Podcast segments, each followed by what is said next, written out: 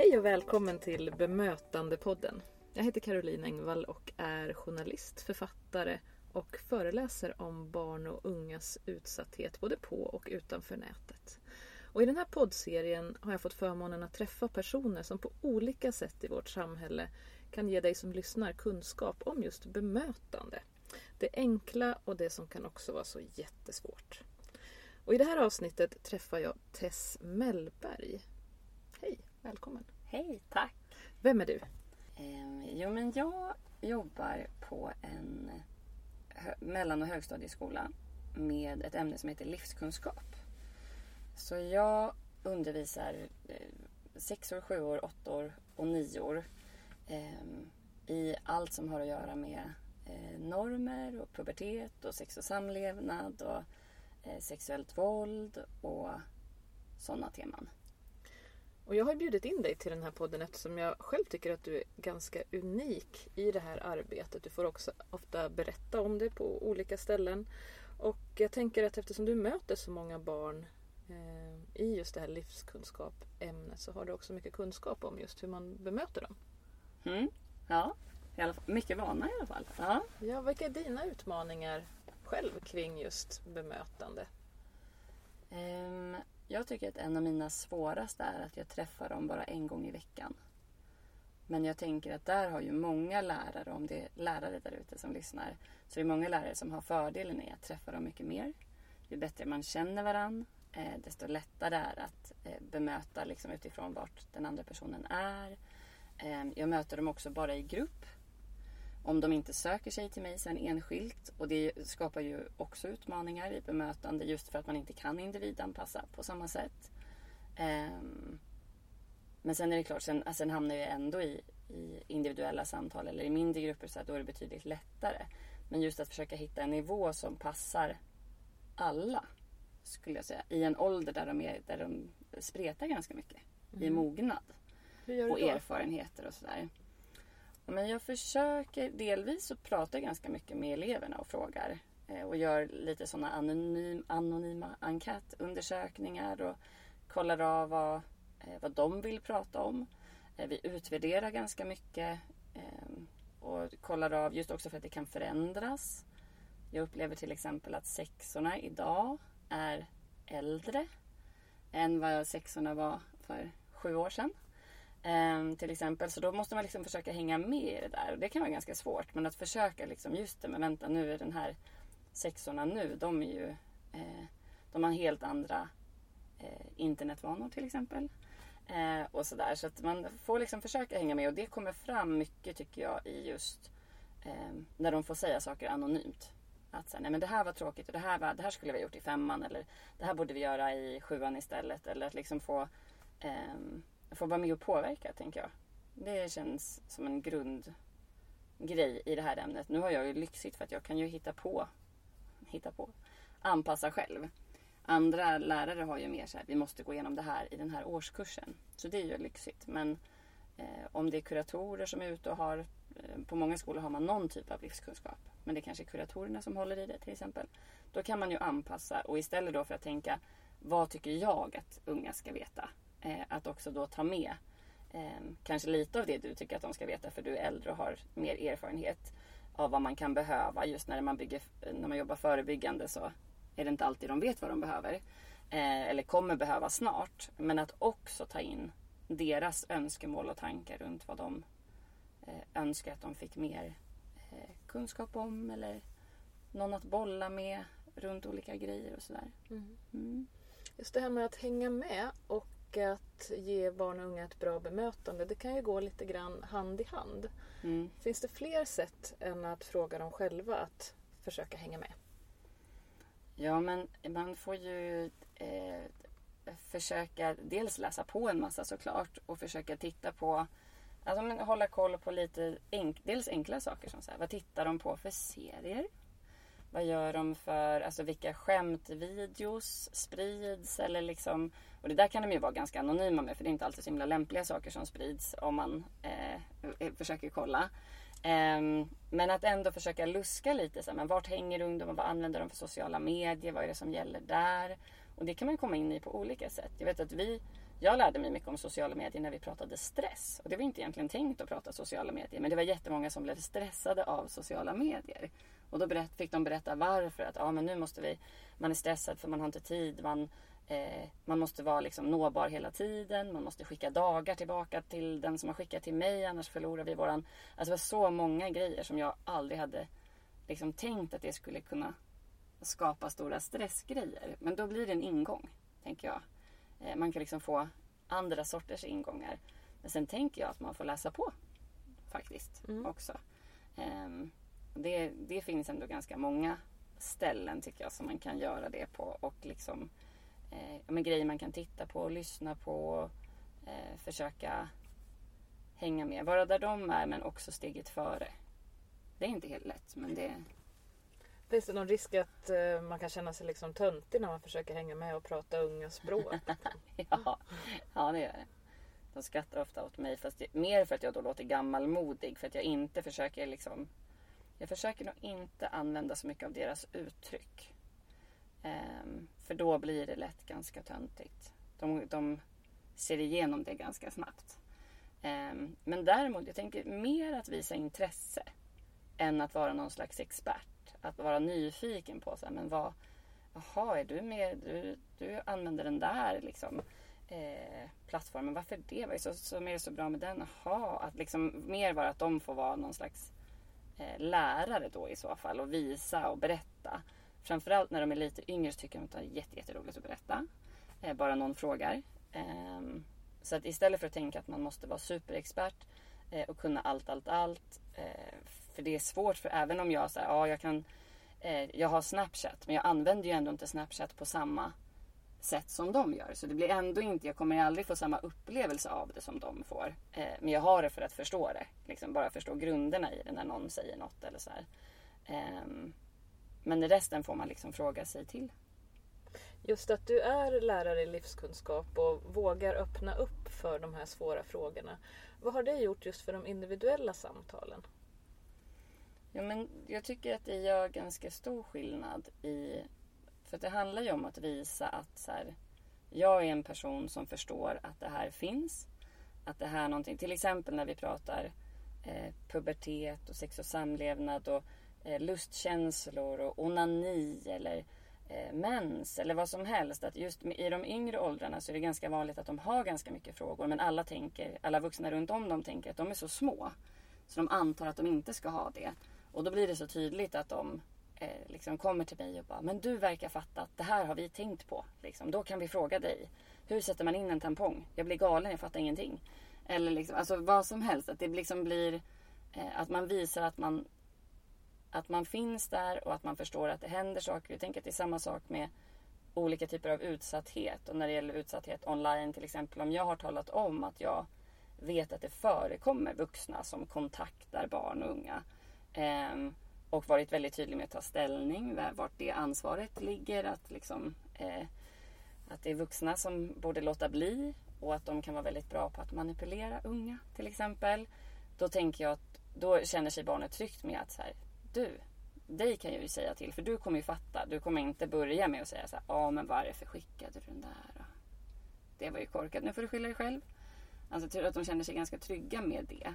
Eh, och just det där att så här, men om jag har startat det här samtalet då kan du fortsätta det samtalet med mig. Jag behöver liksom inte som ungdom eh, förklara för dig en massa saker. Utan du är redan, du har visat att du vet att allt det här finns, att allt det här händer.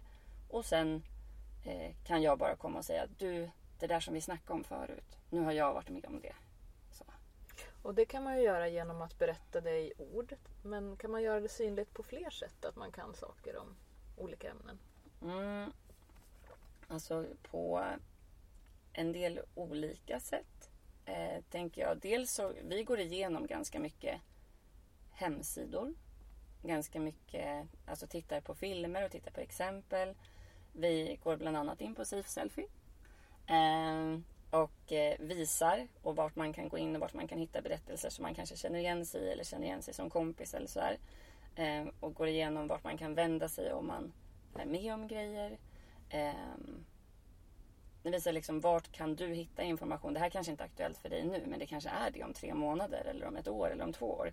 Och då vart kan jag liksom, jag kommer kanske inte komma ihåg all information men eh, jag, kan, jag kan veta vart jag kan hitta den. Så. Kan man läsa böcker tillsammans? Mm, det kan man göra. Vi, alltså jag hinner inte det på mina eh, liksom lektioner för vi har för lite tid. Men jag tänker i svenskan skulle man ju ha alla möjligheter och i engelskan mm. eh, har man ju alla möjligheter att välja böcker som har sådana teman. Jag tänker egentligen finns det ju, alltså sex och samlevnadsundervisningen är ju fördelad, utdelad eh, på en massa olika ämnen. Eh, och där, där alla har någon slags ansvar att vara del i det där.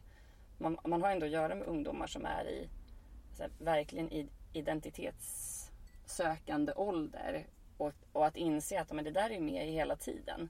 Du kan lära dig om det i svenska, du kan lära dig om det i engelska, du kan lära dig om det i alla ämnen. Det är därför det är utplacerat i många olika ämnen. Också för att man ska få en bild av att just det, alla de här delarna är ju med och påverkar. Eller jag kan lära mig om det här från olika perspektiv, från olika personer med olika kön. Eh, och så, på olika sätt. Så det tänker jag verkligen att man, eh, att man kan. Att man kan läsa eh, och det finns så mycket, tänker jag, att läsa. Också folk tittar ju på filmer ibland. Eh, och att använda sig av det. Men människors berättelser, också sanna berättelser eller liksom eh, Då kan man identifiera sig med ja, men huvudpersonen eller med den som står bredvid och diskutera vad hade jag gjort om det här var min kompis eller så här. Det finns massa sätt att mm. gå tillväga tänker jag. Jag tänker på just det här fysiska bemötandet. När du som lärare träffar en elev som har varit med om någonting, hur gör du då? Mm. Tänker du med hur i, i själva situationen? Mm. Mm. Alltså dels om jag vet att den har varit med om någonting, om det, är det, liksom, om det är utgångspunkten, då ser jag till att jag har tid. Att jag inte försöker få med det på en fem minuters rast. Ehm, jag ser till att vi sitter sitter skönt. Nu har jag lyxigt för jag har ett rum fullt av sack och säckar. Men att vi sitter så att, att vi inte syns utifrån till exempel. Nu har jag en bra dörr men jag vet att vissa, många skolor har sådana glasdörrar. Man sitter så att man inte syns utifrån så att man känner sig lugn och trygg med att det är bara vi som är här och som ser det som händer liksom här. Um, och sen så försöker jag att inte liksom ställa um, Alltså att ställa ganska öppna frågor. Och att inte vara, och sen så om jag märker att det, liksom, att det inte kommer någonting av öppna frågor. Då kanske jag ställer lite mer direkta frågor om jag, om jag märker att det behövs. Att den här personen vill säga någonting men inte riktigt får fram det. Men att börja med ganska öppet. Eh, jag tänker jättemycket på att inte vara dömande. Eh, och att ganska ofta behöver man påminna om att men det här är inte du som har gjort någonting fel. Till exempel. Ehm, jag försöker vara noga med att om det är så att jag behöver ta den här informationen vidare så tänker jag mycket på att vara tydlig med det till eleven. Att, så att den inte känner sig sviken om det är så att jag behöver berätta det här för en kurator till exempel. eller sådär. Och ganska så ofta så blir det en kurator som får ta över efteråt. Men jag kanske är första eh, kontakten. Så. Eh, och då är det extra viktigt att jag är tydlig med att så, men det här känns som någonting som eh, du skulle behöva prata med någon, eh, med någon annan om. Är det okej okay för dig att jag tar det här? Jag kan följa med eller ska vi gå tillsammans? Eller, eh, så att man liksom kommer överens om hur man ska gå vidare. Det känns också viktigt. Men just det här med att gå tillsammans kan ju vara en, en viktig grej just för många unga. Att man inte behöver vara ensam i det. Precis, och en del barn kommer ju också tillsammans. Och liksom att man är inte ens um, det kanske är kompisen som berättar för att den andra tycker att det är för jobbigt till exempel. Och det brukar jag säga till, eh, till elever. Vi har en lektion i sexan där vi bara pratar skyddsnät. Eh, liksom runt ungdomar, vad det finns hjälp att få både på skolan och utanför skolan och vem som har vilken roll och vart vänder man sig. Och, eh, ja, men ungdomsmottagningen och eh, vart man kan veta var man, var man polisanmäler saker eller alla sådana här saker går vi igenom och då går vi bland annat igenom eh, vad kan jag göra som kompis och där står det också med just att eh, du kan vara den som, som är med och berättar. Om du vet någonting väldigt, du får veta någonting väldigt tungt från din kompis eh, och den inte vill berätta så kan du erbjuda dig att vara den som berättar. om du tycker att det känns okej okay och att liksom, det känns för tungt att bära det här mellan er två. Eh, jag brukar prata bra och dåliga hemligheter. Bra hemligheter är vem någon är kär i och pinsamma saker den har gjort. Och dåliga hemligheter är sådana där som inte känns pirriga och roliga utan bara tunga. Och att man kan känna sig stor när man är 13 men man är inte så jättestor. Eh, och man har inte egentligen verktygen för att hantera alla de här sakerna som kan vara riktigt tunga ju. Eh, verkligen. För barn är ju med om saker som de inte alls borde behöva vara med om. Finns det några saker man ska undvika i bemötandet av elever eller andra unga? Jag tänker att, att dömandet är ju först där. Eh, för att det är ett ganska stort steg att söka sig eh, till någon vuxen och våga berätta. De flesta som är med om saker berättar ju inte för någon. Liksom. Möjligen för en kompis och sen så stannar det där tills de är mycket äldre. Så att, eh, och i skolvärlden där ser statistiken ganska dålig ut med att man faktiskt berättar för personer i skolan. Så där har vi lite, vi har lite att jobba på i att vinna deras förtroende. Och, jag tror att de vet också att vi har anmälningsplikt. Um, och att det, det, det ligger liksom som en mur däremellan. Och jag försöker förklara anmälningsplikt. Jag försöker förklara att, att det handlar om att eh, vi vill deras bästa och att eh, samhället har ett ansvar för allas barn, inte bara för liksom, föräldrarna har ansvar för sina egna barn. Utan att vi vill, liksom, anmälningsplikten, vill, anmälningsplikten finns för att vi ska se till att inget barn far illa. Liksom, eh, bakom stängda väggar och eh, sådär. Men ändå så har de ju hört en del skräckhistorier och så. Eh, om, man, ja, men om det anmäls till socialtjänsten, vad händer då? Det där tänker jag att det är viktigt att bemöta för annars så visar man inte heller att man tar den rädslan på allvar. Eh, och att den... Det, det, får man nog göra, tror jag. Alltså det, eller det är en viktig grej att åtminstone benämna att vad, vad den där anmälningsplikten är till för så att de förstår den. Eh, sen tänker jag att man ska Ehm, men ge personen tid som sagt både i stunden men sen att det kanske också kan få gå lite tid att så här, nu har vi pratat om det här. Eh, nu kan du, vi, vi, kan ta en liten paus och så funderar du på det här och så ses vi igen och så funderar du på vad du, hur du skulle vilja gå vidare och så funderar jag att man inte känner att man måste lösa allting på en sekund. För ofta så är ju det här saker som inte är jätteakuta på det sättet att eh, de har ofta redan tänkt ganska länge innan de söker hjälp.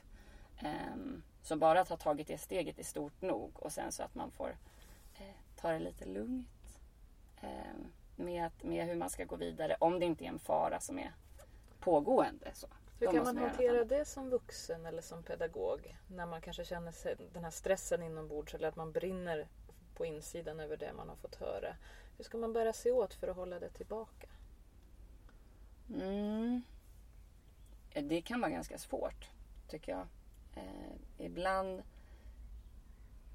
Men man får försöka tänka att det är inte jag som är fokus här. Att jag får ju inte liksom...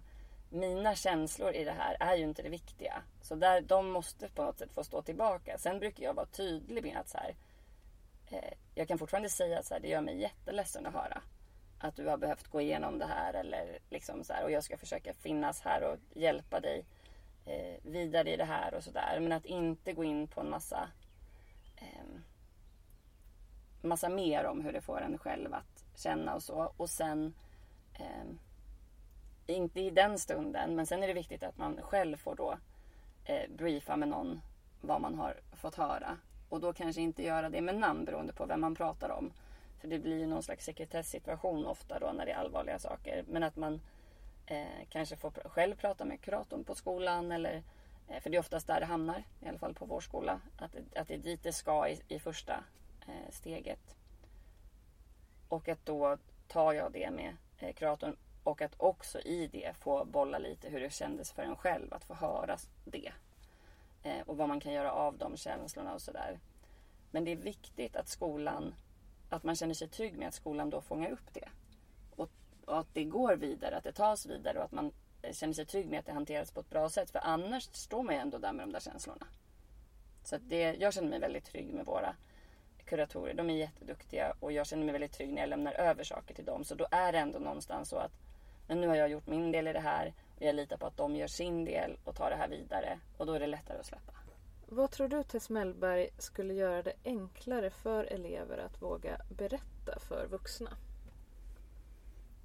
Jag tror att vi måste lyfta sex och samlevnadsundervisningen på alla skolor. Um, oavsett om det innebär att en del vill ju att det ska bli ett eget ämne Eh, och på vår skola är det ju lite som ett eget ämne. Men oavsett hur det eh, går till så måste liksom nivån höjas. Eh, det måste bli tydligt att vi tycker att det här är ett viktigt ämne och att elever får all den kunskap de behöver. Vi måste prata eh, mer om internet. Eh, vi måste prata mer om sexuellt våld och gränser och samtycke. Eh, vi måste prata om så himla mycket mer saker för att de också ska få den här grunden. Liksom målet på sikt är ju att eh, de inte ska utsätta varandra. Och då måste man ju också ge dem verktygen för det och kunskaperna för det. Att var går gränsen och hur vet man om någon vill och inte vill och eh, alla de här sakerna. Jag tänker att många eh, av dem, mycket av den utsatthet som händer när man är yngre, den behöver inte ens vara medveten från den som utsätter sida. Eh, eller så görs den i liksom impuls och man förstår inte alls vilka konsekvenser det här får och det kan man ju förebygga till stor del, inte till liksom 100 procent men mycket av det tänker jag att vi hade kunnat förebygga. Och vi gjorde bara inte det. Tess Mellberg, en otroligt viktigt budskap att skicka med, inte bara till våra politiker att eh, sexualundervisningen helt behöver reformeras, men också till alla oss som finns runt omkring barn.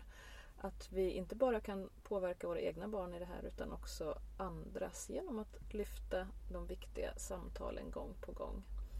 Tusen tack Tess Mellberg för att du ville vara med. Du har lyssnat på Bemötandepodden med Caroline Engvall.